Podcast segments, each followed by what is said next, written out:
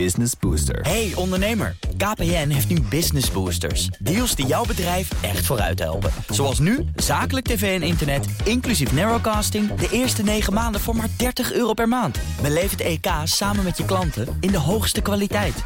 Kijk op kpn.com slash businessbooster. Business Booster. BNR Nieuwsradio. The Big Five. Diana Matroos. De democratie staat wereldwijd steeds meer onder druk. Ook in ons land is de druk duidelijk voelbaar. Wat staat er op het spel? Wie zijn er afgehaakt als het om onze democratie gaat? Hoe zijn we daar aanbeland? En ook heel belangrijk, waar liggen de oplossingen? Dat onderzoek ik deze week in BNR's Big Five van Democratie onder druk. En dat doe ik met uh, vijf kopstukken. Vandaag is dat Eva Rovers, schrijver, cultuurhistoricus en medeoprichter van Bureau Burgerberaad. Ontzettend fijn dat je er bent, uh, Eva. Dankjewel. Uh, zometeen ga ik het natuurlijk uitgebreid met je hebben over oplossingen om onze democratie te versterken. Daar heb je duidelijke ideeën over. Maar voordat we dat gaan doen, wil ik uh, twee dingen van je weten. En het eerste is: werkt onze democratie op dit moment nog? Uh, niet optimaal, nee. Ik denk dat we uh, de democratie te veel gereduceerd hebben, of tenminste als inwoners dan, hè, tot uh, eens in de vier jaar stemmen. Dat democratie is verkiezingen, terwijl democratie is heel veel meer dan alleen verkiezingen. Um, en je ziet inderdaad dat er veel problemen zijn, uh, veel crises eigenlijk, die um, eigenlijk door politieke keuzes tot stand zijn gekomen en waarvan je ziet dat de politiek er zelf ook niet meer uitkomt. Dus het loopt duidelijk dat vast. Loopt vast. Ja, ja. ja.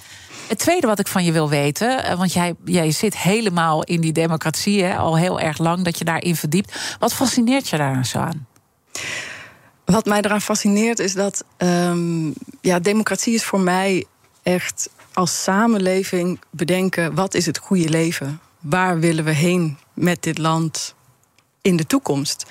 En dat is iets wat je ook echt als samenleving vorm zou willen geven, waar je als samenleving over zou willen hebben. En dat doen we zo weinig. En ik vind dat zo'n gemiste kans. Dus ik zou het heel uh, ja, goed vinden als we dat ook als inwoners gewoon wat meer gaan beseffen. En ook ons daar ook actiever voor gaan inzetten. Ja. ja. En je gelooft heel erg in burgerberaden. Hè? Dat is echt een enorme vernieuwing zou dat zijn. Ook ja. uh, voor Nederland als we daar echt richting een derde kamer gaan werken. Maar dat gaan we uitgebreid in tweede half uur uh, bespreken. Want daar ja. valt ook nog wel het een en ander op af te dingen natuurlijk. Maar laten we eerst toch nog even vaststellen... waar jij de problemen ziet, ook met al jouw uh, expertise. Je zegt we, we lopen vast. Hoe doen we het in vergelijking met andere landen?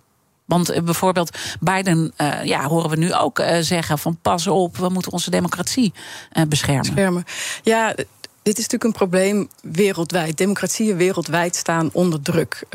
Dat is deze week ook al eerder aan bod gekomen. Freedom House doet ieder jaar onderzoek. En dan zie je ook dat het aantal landen dat zich ontwikkelt richting meer democratie, dat neemt af. En het landen, de landen die zich ontwikkelen naar minder democratie, die nemen toe. Dus er zit wereldwijd echt een steeds grotere democratische kloof. En je ziet in democratieën wereldwijd, en Nederland is daar geen uitzondering op, dat inwoners steeds minder vertrouwen hebben in dat de politiek in staat is om de grote problemen van deze tijd aan te pakken. En nou, dat is niet lang geleden nog door het SCP ook weer bevestigd, een maand geleden onderzoek waaruit blijkt dat uh, de helft van de Nederlanders inderdaad niet het vertrouwen heeft dat, ne dat de Nederlandse politiek in staat is om he, de crisis waar we voor staan, of het nou ja. gaat over klimaat of stikstof of de woningnood of de jeugdzorg, dat de politiek in staat is om dat op te lossen. En dat is natuurlijk heel problematisch, want je hebt dat vertrouwen wel nodig om die crisis aan te kunnen pakken. Ja, en, en dat is ook een onderdeel van de democratie, dat je het vertrouwen hebt uh, ja. in elkaar. En dat kan je heel duidelijk zien aan allerlei cijfertjes en uh, onderzoeken. Toch kan je daar ook iets tegenover stellen dat Nederlanders wel tevreden zijn over de democratie. Dat, dat is dan wel een, een, een ander fascinerend gegeven. Ja, nee, we, we scoren uh, internationaal gezien, uh, in, zeker in Europa, scoren we hoog als het gaat over vertrouwen in de democratie. Dus Nederlanders hebben er heus wel vertrouwen in dat wij eerlijke verkiezingen hebben. We hebben er ook vertrouwen in dat er vrijheid van meningsuiting is, dat we een journalistiek hebben die onafhankelijk is. Dus dat soort democratische principes, daar hebben we zeker vertrouwen in. Maar dat is nog iets anders dan vertrouwen in de politiek. En als je aan mensen vraagt of ze vertrouwen hebben in politici, dan is dat dus echt een stuk minder. En dat, dat is iets wat jou uh, zorgen baart, hè? Dat, dat, en dat is trouwens niet. Uh, ben ik niet alleen. Uh, nee, gisteren sprak de minister van Binnenlandse Zaken en die maakt zich daar ook zorgen over. hoe zijn we hier gekomen op dit punt, denk jij? Wat, wat, wat is de kern van het probleem dat de overgrote deel van de Nederlanders het, ja, niet meer vertrouwen hebben in het kabinet en in de Kamer? Nou, dat, dat heeft een aantal oorzaken. Eén die volgens mij heel erg belangrijk is, is dat wij in een diplomademocratie wonen. Wat eigenlijk betekent hoe meer diploma's je hebt, hoe meer macht of toegang tot de macht. Um, Nederland, in Nederland hebben 65% van de mensen maximaal een MBO-opleiding. In de Kamer is dat ongeveer 6%. En dat is een gigantische kloof. Nou wil ik niet zeggen dat een Tweede Kamer een exacte afspiegeling hoeft te zijn van de samenleving. Mhm, mhm. Maar dat verschil moet ook niet te groot zijn. En dat is het nu aantoonbaar wel. Dat blijkt ook uit het beleid dat wordt gemaakt. Dat heeft gewoon heel vaak blinde vlekken voor mensen die niet helemaal dezelfde uh, uh, achtergrond hebben, belevingswereld hebben als politici. Dus dat is een heel groot probleem. Dus praktisch gescholden voelen zich echt grotendeels niet vertegenwoordigd, niet beschermd door uh, volksvertegenwoordigers. Dat leidt weer tot het afgehaakt Nederland, waar het ook al eerder over is gegaan. Mensen die zich afkeren van de democratie, die niet mhm. meer gaan stemmen, die er geen vertrouwen in hebben dat het er ook maar iets toe doet wat ze te mhm. zeggen hebben. Nou ja, ook door concrete problemen die we zien. Ik noem een, eh, een toeslagenaffaire, de woningmarkt. Weet je, dat zijn toch wel.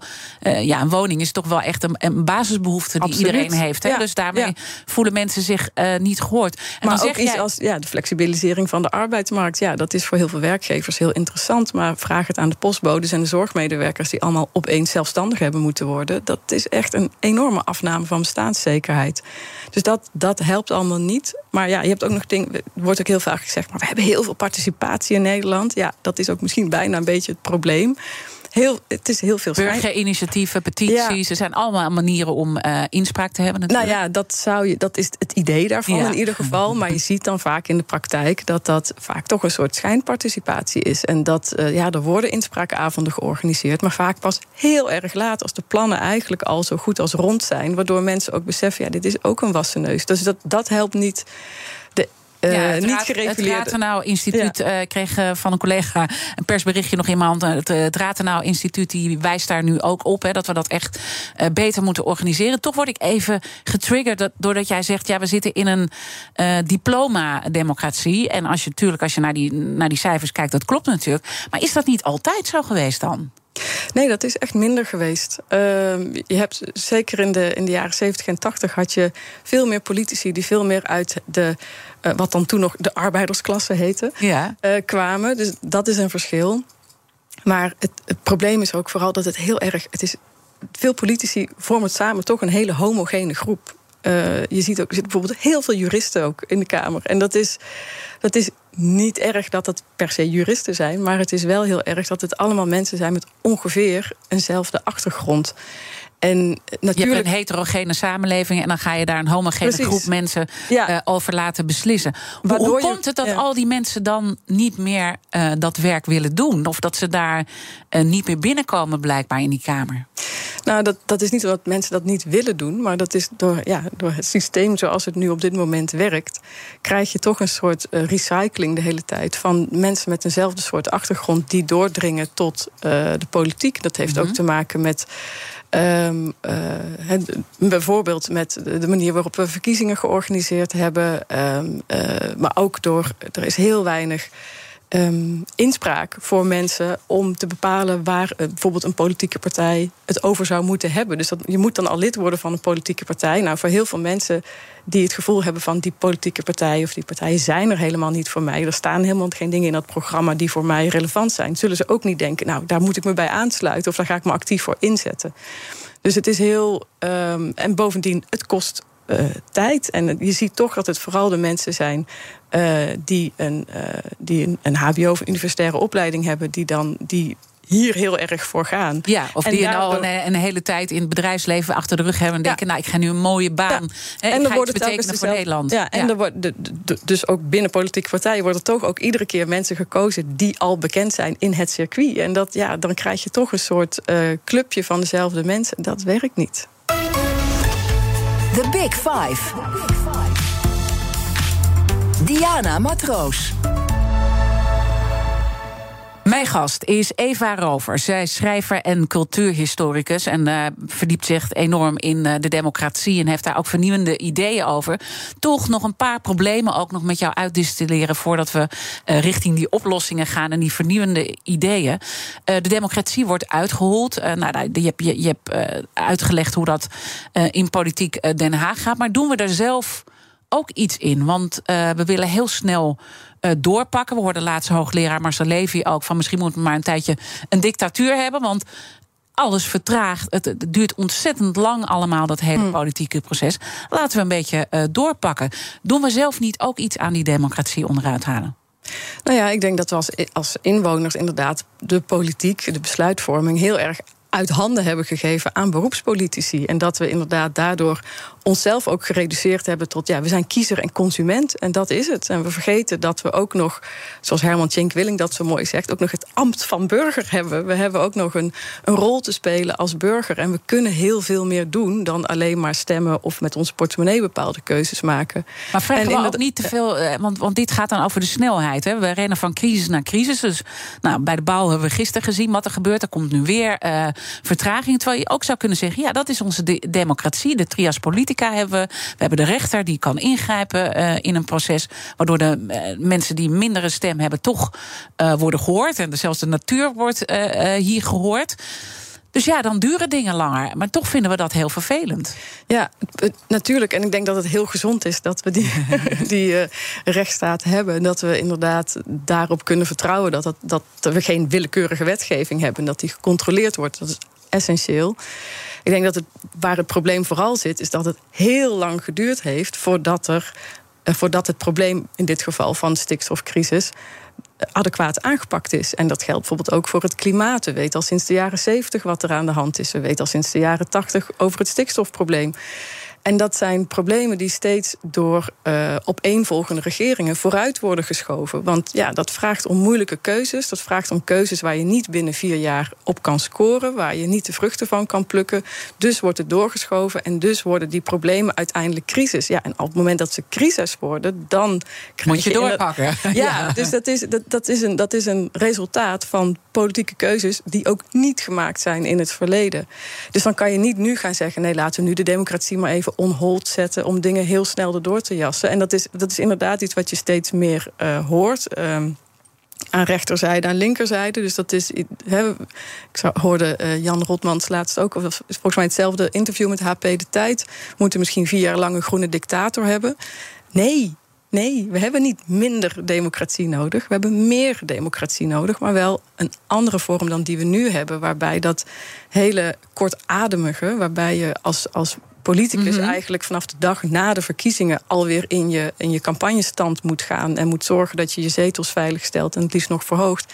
Ja, dat helpt niet om juist die lange termijn problemen aan te pakken. En dat zorgt ervoor dat uh, de ja, partijbelangen op de korte termijn het uiteindelijk winnen van onze gemeenschappelijke belangen op de lange termijn. Het is echt die scoringsdrift. En uh, uh, hoogleraar Oesman, die ik deze week sprak, die zei: uh, eigenlijk is boosheid een verdienmodel geworden in de politiek, waarmee ook stemmen geregeld worden. Zie jij het hetzelfde? Nou, ik denk dat boosheid um, in de samenleving, dat dat vooral iets is. Dat is een, een boodschap en mhm. daar moet je volgens mij, daar moet je in die zin gebruik van maken. Dat betekent dat er namelijk. Uh, dat is geen apathie. Mhm. Boosheid wil zeggen dat mensen zich ergens druk over maken. Dat er iets belangrijk voor ze is. En um, door met, met mensen in gesprek te gaan en ze daar ook echt serieus in te nemen, Mhm. kan je volgens mij er ook achter komen wat er nou ook echt speelt in de samenleving. Dus in plaats van dat inderdaad als een verdienmodel te zien, zou ik zeggen, zie het vooral als een oplossingsmodel. Ja, maar als je dan nu kijkt eh, wat de houding is eh, in de Kamer, dan heb ik het ook wel over de toon eh, van debat, hoe, Ja. hoe, hoe überhaupt het debat wordt gevoerd. Daar zie je heel erg die boosheid ook ehm, gebruikt worden in de, in, de, in, de, in de debatten. Is dat een goede manier? Nou, dat is helaas zoals het in elkaar zit, omdat we doordat po- po- politieke partijen zich moeten profileren. Zullen ze ook constant proberen zichzelf te profileren. En zullen zich Ja. proberen te onderscheiden van andere partijen. Waardoor je dus de verschillen heel erg gaat uitvergroten. Eh, en er veel minder ruimte is om te kijken waar zijn we het nou eigenlijk met z'n allen wel over eens. En hoe kunnen we van daaruit eh, die grote problemen gaan aanpakken. Eh, dan zit het ook van eh, de voorbeelden die we daar allemaal voorbij zien komen. Wat zijn nou voorbeelden waar jij echt je zorgen over maakt, die je in de Kamer ziet gebeuren? En de toon eh, van het debat of, of hoe we met elkaar omgaan daar? Nou ja, dat het heel erg ehm, eh, incidentgericht is. Dus eh, er gebeurt iets in de samenleving of er gebeurt iets op Twitter. en daar wordt, gaat dan vervolgens het debat over. Terwijl de, de lange lijnen en de, de, de fundamentele problemen... die worden daardoor constant opgeschort. En dat lijkt mij een heel erg groot probleem. Omdat je dan inderdaad een beetje door de waan van de dag wordt gedreven. En daar gaat het debat over. En de, de hoofdlijnen Ja. waar het over zou moeten Het gaat gaan... heel erg over de vorm. Hè? Dus, dus Ja. bijvoorbeeld eh Kaag loopt uit de Kamer en de rest eh, die loopt erachteraan. Daar Ja. gaat dan het hele eh, gesprek over.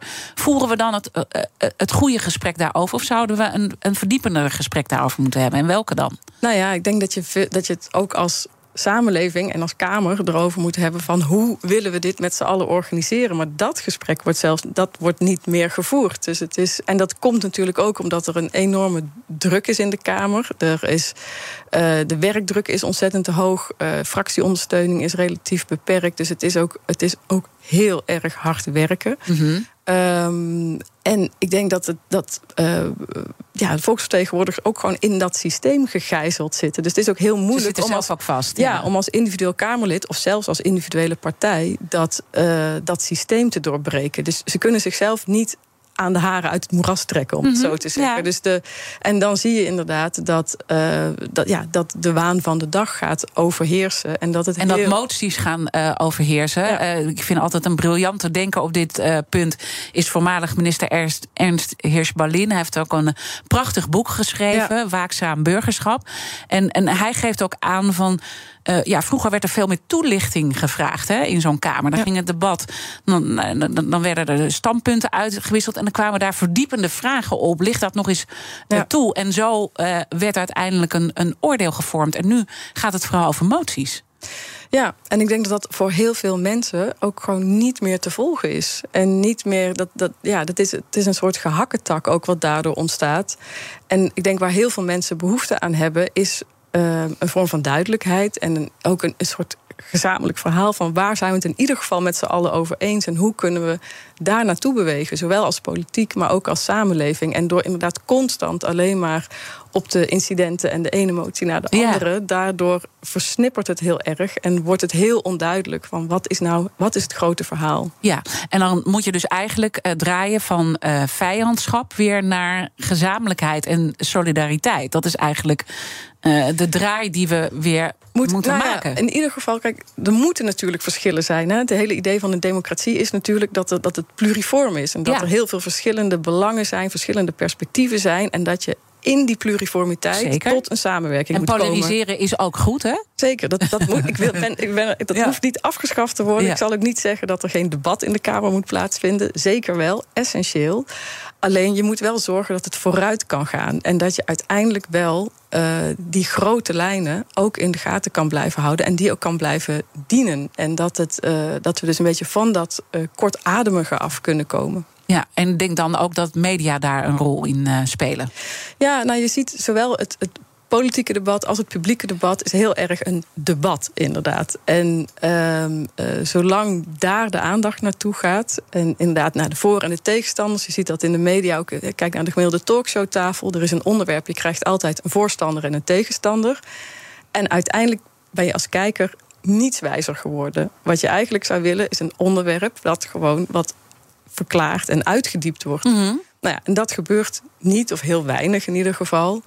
Waardoor je rond al die onderwerpen, ook in de samenleving, steeds meer polarisatie krijgt. En eigenlijk kennis met elkaar uitwisselt en geen meningen naast elkaar legt. Hè? Want je ziet natuurlijk ook wel, en ik wil helemaal niet de talkshow tafels bashen hier, want dat, dat, dat is niet uh, mijn bedoeling. Maar soms als media schieten we wel eens door dat we dan uh, ja, een goed bedoelde artiest ook even laten uh, zeggen hoe het met de coronamaatregelen verder moet. Terwijl het gaat uiteindelijk ook om wetenschappelijke kennis. Je kan niet zomaar een kennisinstituut, een wetenschapper eventjes wegzetten tegen een, een goed bedoelde uh, artiest die daar dan ook een mening over heeft? Nou, maar ik denk wel dat het heel interessant zou zijn om meer stemmen uit de samenleving aan de, aan de talkshowtafels te krijgen. En inderdaad niet alleen de bekende gezichten. Dat dat ook nog eens als heel interessant zou kunnen zijn. En dat geldt ook voor de politiek. Dat, maar hoe zorg je dan dat het geen een soort meningen televisie of radio uh, gaat worden? Want dat vraagt om een hele goede moderatie. En ja. dat vraagt inderdaad om, om een goede uh, gespreksbegeleider die er inderdaad voor kan zorgen dat je inderdaad niet alleen maar tegenover elkaar komt te staan, maar dat je samen tot een dieper inzicht komt. En, en dan is dan ook de kern, en dat is dan een mooie brug ook naar het uh, volgende al, half uur, uh, toch nog even vaststellen waarom vinden we het communiceren zo uh, moeilijk met een ander? Hè? Want dat is na namelijk wat eronder ligt. Ja. Nou, ik denk dat dat uh, nou, te maken heeft met hoe we uh, elkaar opgevoed hebben. Dus ja. dat we inderdaad. Hè, dat, we, we, kijken, we zien hoe er in de politiek gedebatteerd wordt. We zien hoe er uh, aan de talkshowtafels gedebatteerd wordt. Dus ja, dat is wel een beetje wat, wat je dan ook als samenleving overneemt. Um, terwijl er inderdaad heel veel andere manieren zijn om met elkaar naar een probleem te kijken en daar een ja. oplossing voor te bedenken. Maar dat, is, dat, dat vraagt ook om een soort mentale verandering. Ja. En dat vraagt erom dat en het je... niet zien als saai. Om, om uh, nee, maar je kan een gesprek met elkaar aan te gaan in de diepte. Nee, ja. maar dat kan enorm knetteren. Ik bedoel, het hoeft echt niet, dat betekent niet dat iedereen het met elkaar eens is. Maar dat je wel He, dat je mm -hmm. uh, verschillende perspectieven naast elkaar legt. En dat, dat, nou ja, dat kan ja. ontzettend spannend zijn. Maar we, we zitten heel erg in een soort uh, uh, ja, hoe zeg je, binaire manier om naar een onderwerp te kijken. Terwijl de meeste onderwerpen die spelen, hebben zo verschrikkelijk veel perspectieven. Laten we daar dan zo meteen ja. over verder praten. Hoe we daar eigenlijk een, een doorstart in kunnen maken. De toekomst van onze democratie met een derde kamer die vol zit met de gewone burger. Blijf luisteren. Hardlopen, dat is goed voor je. En Nationale Nederlanden helpt je daar graag bij. Bijvoorbeeld met onze digitale NN Running Coach... die antwoord geeft op al je hardloopvragen. Dus, kom ook in beweging. Onze support heb je. Kijk op nn.nl slash hardlopen. Business Booster. Hey ondernemer, KPN heeft nu Business Boosters. Deals die jouw bedrijf echt vooruit helpen. Zoals nu, zakelijk tv en internet, inclusief narrowcasting... de eerste 9 maanden voor maar 30 euro per maand. Beleef het EK samen met je klanten in de hoogste kwaliteit. Kijk op kpn.com slash businessbooster. Business Booster. BNR Nieuwsradio. The Big Five. Diana Matroos. Welkom bij tweede half uur. Deze week praat ik met vijf kopstukken uit de wereld van de democratie. Eerder deze week sprak ik met de minister van Binnenlandse Zaken, Hanke Bruins-Slot. Zij maakt zich ernstige zorgen over de bedreigingen richting politici, journalisten, ambtenaren. En ga zo maar door, want dat zet ook onze democratie ontzettend onder druk. Luister het gesprek terug via de BNR-app. Dan hoor je ook alle oplossingen en vernieuwingen waar zij nu op dit moment mee bezig is. Mijn gast vandaag is Eva Zij is schrijver en cultuurhistoricus. Onder andere schrijver van het boek Nu is het aan ons. En dat heeft alles te maken dat uh, de burger veel meer betrokken moet worden uh, bij het uh, proces. Komend half uur, Eva, wil ik graag nog twee onderwerpen met je bespreken. echt vernieuwende ideeën als het gaat om tot een nieuwe duurzame democratie te komen. Bijvoorbeeld een ministerie van de toekomst of van de nieuwe generaties. Voorbeelden uit Japan ook die je daarbij kan aanhalen. En Nederland die een derde kamer nodig heeft. Althans, dat is jouw stelling. En laten we met dat punt uh, beginnen. Want waarom vind je dat uh, Nederland een derde kamer nodig heeft? Nou, ik ben vooral een heel erg groot pleitbezorger van burgerberaden. En burgerberaden zijn groepen van 100, 150 geloten inwoners, een mooie dwarsdoorsnede van de samenleving, die uh, de politiek helpen om die grote maatschappelijke problemen op te lossen. En dat gebeurt al in allerlei landen om ons heen. En dat noem jij dus een derde kamer? Nou, dat, dat is, een burgerberaad is vaak eenmalig, maar je ziet op een aantal plekken. Uh, onder andere in Parijs, maar ook in Duitsstalig België, dat ze dat permanent gemaakt hebben. Dus dat ze naast het verkozen parlement, of in Parijs het verkozen gemeenteraad, dat ze daarnaast ook een geloot burgerparlement hebben. En dat zou ik inderdaad in Nederland, hè, naast de Eerste en Tweede Kamer, een derde Kamer met geloten burgers. die onderwerpen kunnen aandragen. en die inderdaad de opdracht ook kunnen geven tot burgerberaden rond allerlei onderwerpen. Dat lijkt mij een hele gezonde aanvulling. En je zegt uh, het is een, uh, een loting. Hè? Dus misschien kan je nog iets meer uitleggen hoe het nou uh, concreet werkt. en hoe lang ze er zitten. en nou ja, hoe, hoe dat hele proces gaat. Ja. Nou, meestal, het begint met een probleem. Ik zal een concreet voorbeeld geven. In, in, in, Ierland bijvoorbeeld, katholiek Ierland, zeer strenge abortuswetgeving. En dat was iets wat zowel de politiek als de samenleving al decennia verdeelde. Daar, daar kwam de politiek niet uit. Um, en uiteindelijk is er vanuit de samenleving het voorstel gekomen: misschien kunnen wij helpen als burgers. Er zijn honderd Ieren gelood dwarsdoorsnede van de Ierse bevolking. Dus mensen uit de stad, het platteland, allerlei leeftijden, achtergronden, noem maar op. En die zijn vijf weekenden samengekomen. En die hebben uh, geleerd over die abortuswetgeving. Die hebben gehoord van juristen, van artsen, van belangengroepen, van kerken, van you name it. Vrouwen die ermee te maken hadden gehad. En die zijn uiteindelijk tot een voorstel gekomen hoe die abortuswetgeving aangepast zou kunnen worden. En dat, is, uh, dat, dat, was uh, vrij revolutionair. Dat een, dat een groep burgers met zo'n voorstel komt. En uh, zij pleiten dus heel erg voor versoepeling, gaven ook aan hoe die abortuswetgeving eruit zou kunnen zien. En dat is vervolgens, omdat abortuswetgeving in Ierland in de grondwet zit en je de grondwet daar alleen kan wijzigen met een referendum, is dat voorstel van dat burgerberaad voorgelegd aan een referendum. Dus ze hebben eigenlijk een, een, een voortraject eigenlijk ja, gedaan. Zeker. Ja. En toen bleek dus dat 67% van de Ieren dat een heel goed idee vond. En vervolgens is de grondwet aangepast en is er dus een nieuwe abortuswetgeving gekomen versoepeling daarvan, legalisering van abortus. Um, en ja, rond zo'n heikel onderwerp kan je dus heel erg goed um, de hulp van inwoners inschakelen. Want ja. inwoners hebben, he, die hoeven niet herkozen te worden, die hebben geen sympathieke media-aandacht nodig, die hebben hele diverse kennis, die hebben inzicht in wat er in de maatschappij speelt. Mm -hmm. En, um, en komen er ook in zo'n proces vaak heel erg achter dat ze misschien onderling heel verschillend zijn, maar dat er ook heel veel dingen zijn die ze delen. En vanuit die common ground proberen ze dan oplossingen ja. te zoeken. En, en, toch hebben wij natuurlijk al heel veel uh, verschillende manieren waarop burgers uh, tot inspraak uh, kunnen komen. Hè? Dus we noemden ze al eventjes allerlei burgerinitiatieven, petities die ja. je kan indienen. En het Ratenau Instituut die geeft aan, laten we nou zorgen dat we dat soort processen verbeteren. Dat hebben we al, hè? want daar, daar, daar daar kan je ook wel wat dingen in uh, aan verbeteren. Dus waar, waarom naar zo'n uh, derde kamer, hè? Zo, ja. zo nog, een, nou nog ja, iets nieuws te gaan doen? Uh, nogmaals, ik zou in eerste instantie vooral ook pleiten voor burgerberaden uh, um, om daar eerst eens mee te beginnen. Uh, mm -hmm. En dan, ik zou het heel mooi vinden als dat uiteindelijk kan leiden tot een permanent burgerberaad, dus een derde kamer. Um, maar in eerste instantie het voordeel van die burgerberaden ten opzichte van veel andere vormen van participatie is dat uh, er is zeggenschap. Burgers krijgen echt een duidelijk mandaat over waar ze een beslissing over moeten maken, waar ze een oplossing voor moeten brengen.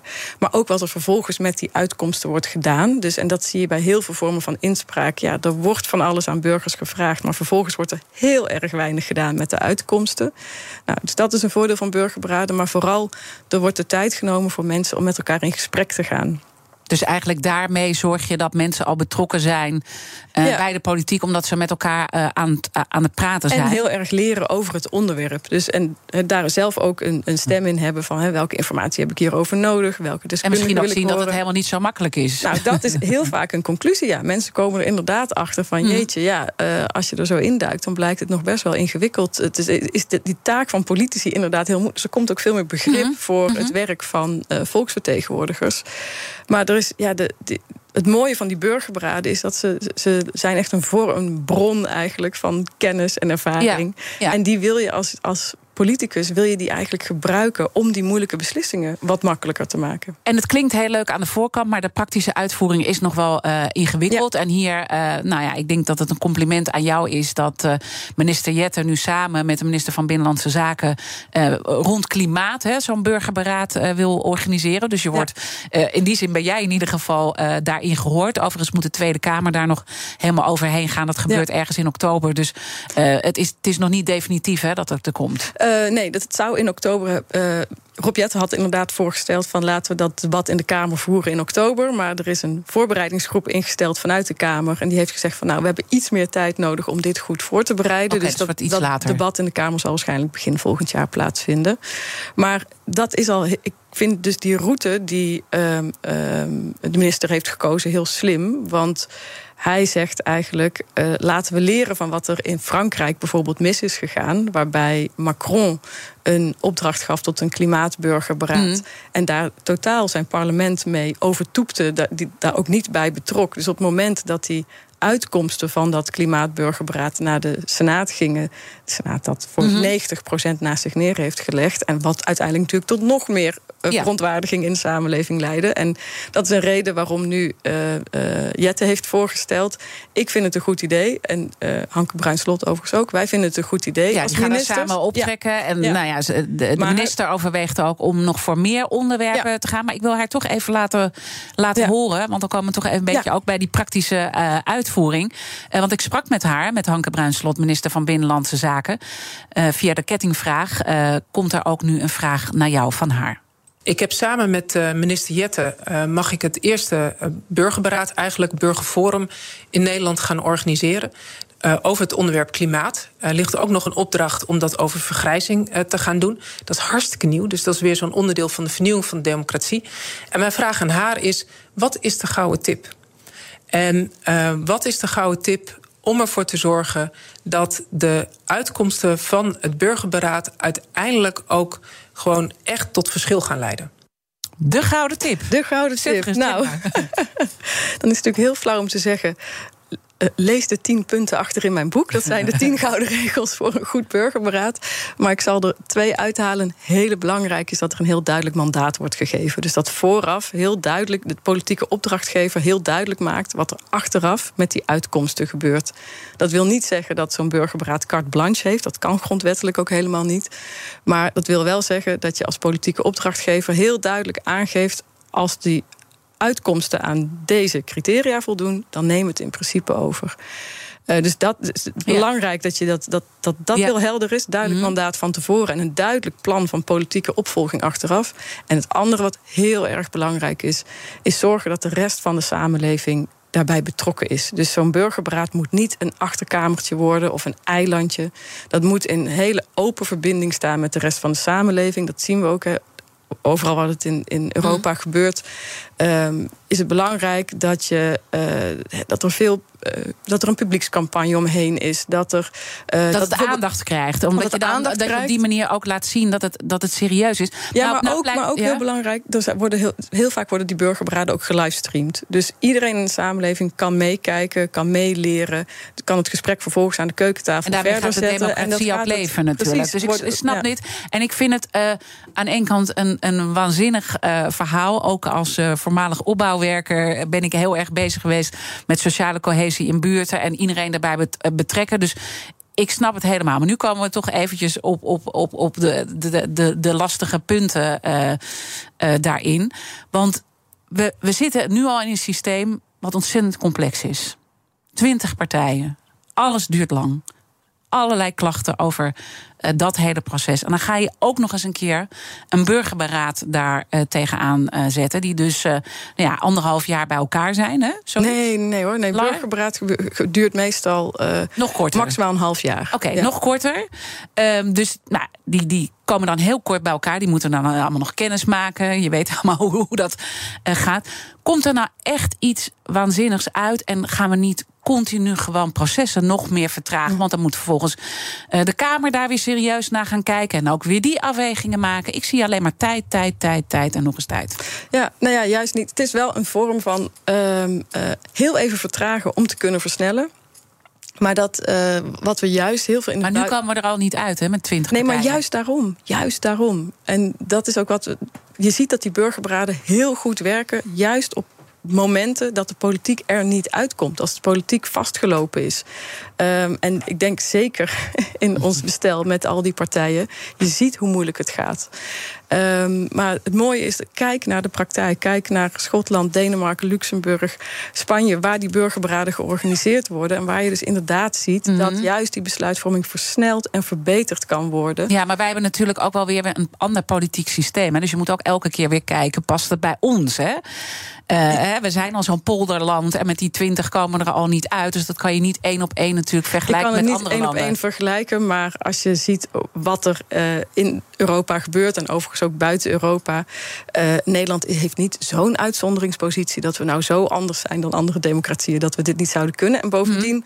op lokaal niveau gebeurt er ook al heel veel. Hè. Er heeft vorig jaar een heel mooi burgerberaad in Zeist plaatsgevonden... over het miljoenentekort op de gemeentebegroting. je ziet in allerlei gemeentes nu ook die plannen ontstaan om burgers. Coronamaatregelen was ook eh, in andere landen een heel mooi voorbeeld op lokaal niveau, waar gemeentes aan inwoners vroegen: hoe moeten we ja. met deze pandemie omgaan? En dan zie je dat inwoners ja. al heel vroeg met allerlei oplossingen komen, waar op en andere ik geloof plekken. De daar, goede ja. voorbeelden, maar ik wil ook toch de kritische vragen blijven stellen. Want ik denk dan, oké, okay, het, is, het is een loting, maar een heleboel mensen zullen gewoon uh, geen tijd daarvoor hebben. Ik nee, bedoel, wij, wij spraken elkaar ook allemaal, nou, daar hebben we geen tijd voor. Nee. Zouden hartstikke leuk uh, vinden. Uh, wordt dat niet een club van gepensioneerden die er wel tijd voor hebben? En ja. Als je het niet goed doet, wel. Ja, dus daarom is die loting is cruciaal. Dus je moet een gewogen loting doen. dat betekent dat je in eerste instantie mensen willekeurig uitnodigen. Grote, in Frankrijk bijvoorbeeld 250.000 mensen willekeurig uh, gelood. Mm -hmm. Telefoonnummers, mensen zijn allemaal gebeld. Uh, en vervolgens is het dus ook aan mensen uitgelegd wat het is. Dat, het, dat er echt iets mee wordt gedaan. Uh, dat het ertoe doet dat zij meedoen. En van de mensen die vervolgens meedoen, daar doe je een gewogen loting. Dus dan ga je kijken, zorg je dat er ongeveer evenveel mannen als vrouwen in zitten. Dat de leeftijdsopbouw weerspiegeld wordt, opleidingsniveau, et cetera, et cetera. Zodat je echt een soort in dit geval een soort mini-Nederland krijgt. Waarvan iedereen in de samenleving kan denken: er zit iemand okay. zoals ik in. Ja. Maar dat gaat niet vanzelf. Nee, daar moet, Nee. Je, daar moet je tijd aan besteden om die goede loting te doen. Ja. Hardlopen, dat is goed voor je. En Nationale Nederlanden helpt je daar graag bij. Bijvoorbeeld met onze digitale NN Running Coach... die antwoord geeft op al je hardloopvragen. Dus, kom ook in beweging. Onze support heb je. Kijk op nn.nl slash hardlopen. Business Booster. Hey ondernemer, KPN heeft nu Business Boosters. Deals die jouw bedrijf echt vooruit helpen. Zoals nu, zakelijk tv en internet, inclusief narrowcasting... de eerste 9 maanden voor maar 30 euro per maand. Beleef het EK samen met je klanten in de hoogste kwaliteit. Kijk op kpn.com slash businessbooster. Business Booster. BNR Nieuwsradio. The Big Five. Diana Matroos. Je luistert naar BNR's Big Five van de democratie onder druk. Morgen dan sluit ik de week af met voormalig Kamervoorzitter... en oud-politica Gerdy Verbeet. Ik ben heel erg benieuwd en ik denk mijn gast van vandaag... Eva Rover, schrijver en cultuurhistoricus... ook hoe zij kijkt uh, naar onze democratie... en uh, waar we zouden moeten vernieuwen en verbeteren. De kettingvraag gaat natuurlijk uh, door. Wat zou jij aan Gerdy Verbeet willen vragen? Nou, ik ben heel erg benieuwd of uh, mevrouw Verbeet iets zou zien in dat idee van een derde kamer. Dus inderdaad, naast uh, de Eerste en de Tweede Kamer, of zij er heil in ziet om een derde kamer op te zetten met daarin geloten inwoners die he, bepaalde problemen ook aanpakken mm. door middel van burgerberaden. Die ga ik haar uh, zeker stellen. Heel benieuwd hoe zij daar uh, naar kijkt. Ik heb jou er al een paar uh, kritische vragen natuurlijk um, over gesteld. Hè. Die, die, die begrijp je ook. Um, Wim Voermans, hoogleraar, die zegt... misschien moet je er meer een samenlevingsberaad van maken. Zo noemt hij dat dan. Waarbij je zorgt dat er voor twee derde burgers in zitten... via een loting als ik hem helemaal goed begrijp. En een derde de maatschappelijke organisaties. Want we hebben, we zijn natuurlijk een land vol met belangenorganisaties. Uh, misschien moet je dat bij elkaar brengen. Om ook te zorgen dat het draagvlak uh, bij Politiek Den Haag gewoon hoger is.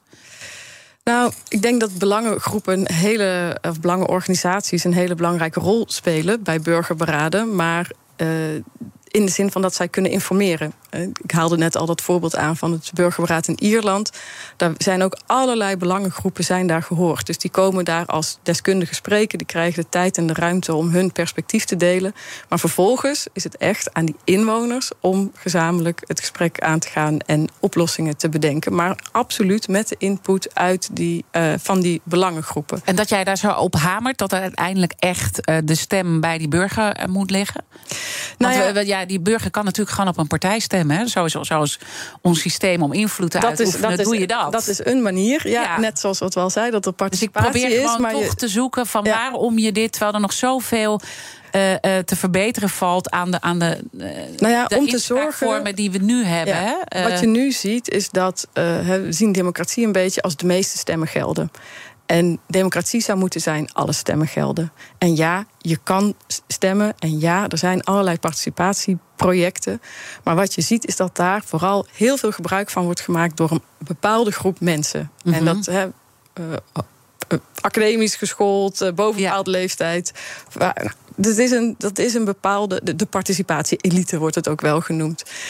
Maar er is een hele grote groep mensen die dus niet gehoord wordt, omdat ja. ze daar niet aan, omdat ze zichzelf omdat ze niet deelnemen aan die participatietraject, omdat ze niet bereikt worden of omdat ze denken dat. Maar er zijn toch nu heeft. heel veel partijen, uh, neem de boer-burgerbeweging en al dat soort partijen die er gewoon zijn, ja. uh, om dat naar voren te brengen. En dat gebeurt ook. Dus waarom, waarom moet dat dan naar zo'n derde kamer? Omdat dan nog, dat zie je, er heel erg veel mensen zich niet vertegenwoordigd voelen. En, die, en dat die partijpolitiek ook een bepaalde dynamiek met zich meebrengt, waardoor mensen juist denken van dit is niks voor mij. De, he, kijk naar de opkomst bij de verkiezingen, bij de gemeenteraadsverkiezingen. Dat is heel laag geweest. We krijgen straks de uh, provinciale verkiezingen. Nou, durf je te garanderen dat dat waarschijnlijk nog lager zal zijn. Dus ja, die partijen die zijn er wel. En ik denk ook dat het heel goed is dat we dat systeem hebben. Maar het is niet voldoende om ja. alle stemmen en alle perspectieven gehoord te krijgen. En door mensen te loten, door ze actief uit te nodigen, door te, door te zorgen dat je door die gewogen loting echt een dwarsdoorsnede van de samenleving krijgt. Dus ook ja. die mensen die niet gaan stemmen, die afgehaakt zijn, die er geen vertrouwen in hebben, die wil je daar ook okay, hebben. Maar als je dat dan helemaal representatief wil, hè, want ik zei net al, het moet geen club van gepensioneerden worden, met alle respect voor de gepensioneerden die daar dus tijd uh, uh, voor hebben.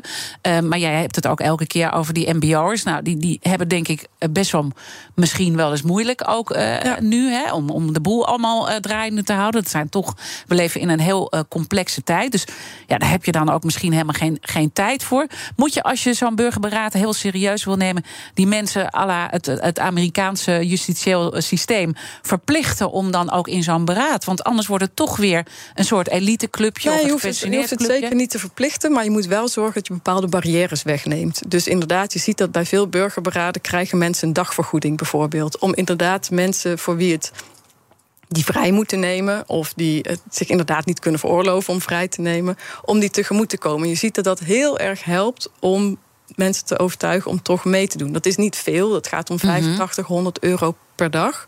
Maar dat, is, dat helpt heel erg om de barrière te verlagen om mee te doen. Uh, vaak wordt er ook kinderopvang geregeld. Dus er wordt op allerlei manieren gezorgd dat het voor die mensen zo, voor, voor de deelnemers zo uh, goed mogelijk te doen is om mee te doen. Maar uiteraard. Uh, niet ja. iedereen doet mee. Er zijn heel, en dat, heeft, dat geldt niet alleen voor mensen met de MBO-opleiding. geldt denk ik voor iedereen. Iedereen heeft weinig tijd. En iedereen he, heeft ook heeft een gezinssituatie. Uh, ja, noem het allemaal maar op. Ja. Maar het mooie vind ik wel om te zien uh, bij die. Het zijn er inmiddels honderden burgerberaden die in Europa hebben plaatsgevonden. Dat je ziet dat de mensen die meedoen. Um, echt weer een soort democratisch zelfvertrouwen krijgen. Mm -hmm. En beseffen. En ik heb ook onderzoek gedaan naar uh, deelnemers aan burgerberaden. die ook zeggen: ja, dit was de eerste keer dat de politiek mij echt om een mening vroeg. En dat er ook iets mee is gebeurd. Mm -hmm. En dat helpt heel erg. En helpt dat die afgehaakten, heel zoals erg, ze worden genoemd? Ja, dat helpt. En het helpt ook in um, zorgen dat. dat uh, nou, wat zeg democratisch ja. zelfvertrouwen zorgen dat je, dat je wat kan bijdragen. En dat mensen vaak ook daarna veel maatschappelijk actief okay. worden, politiek actief worden. Ja. Een belangrijk punt waar jij dus uh, heilig in gelooft. Ik ben heel erg benieuwd hoe dat uh, uiteindelijk gaat uitpakken en wat de Tweede Kamer daarover vindt. Uh, in het slotstuk misschien nog één vraag. Een belangrijk voorbeeld wat jij ook nog wilde noemen als het gaat om vernieuwingen, is een, een, nou ja, een, een ministerie van de toekomst. Of in Japan hebben ze daar ook bepaalde interessante voorbeelden om ook, ook die jonge generatie meer te betrekken. Nou ja, zelfs niet bestaande generaties al te betrekken bij besluitvorming. We zien nu dat besluitvorming heel erg voor de korte termijn is. En dat het heel moeilijk is om echt die toekomstige generaties te betrekken in besluitvorming. Die mensen lopen nog niet rond, dus hoe kan je dat doen? En je ziet inderdaad dat in Japan wordt er gewerkt met future design, heet dat. Waarbij, dat zijn eigenlijk ook een soort burgerberaden. Waarbij als er bijvoorbeeld een nieuwe weg moet worden aangelegd, er niet alleen aan inwoners wordt gevraagd: praat, denk en beslis met ons mee. Maar dat een aantal van die deelnemers ook de rol krijgen van een toekomstige generatie.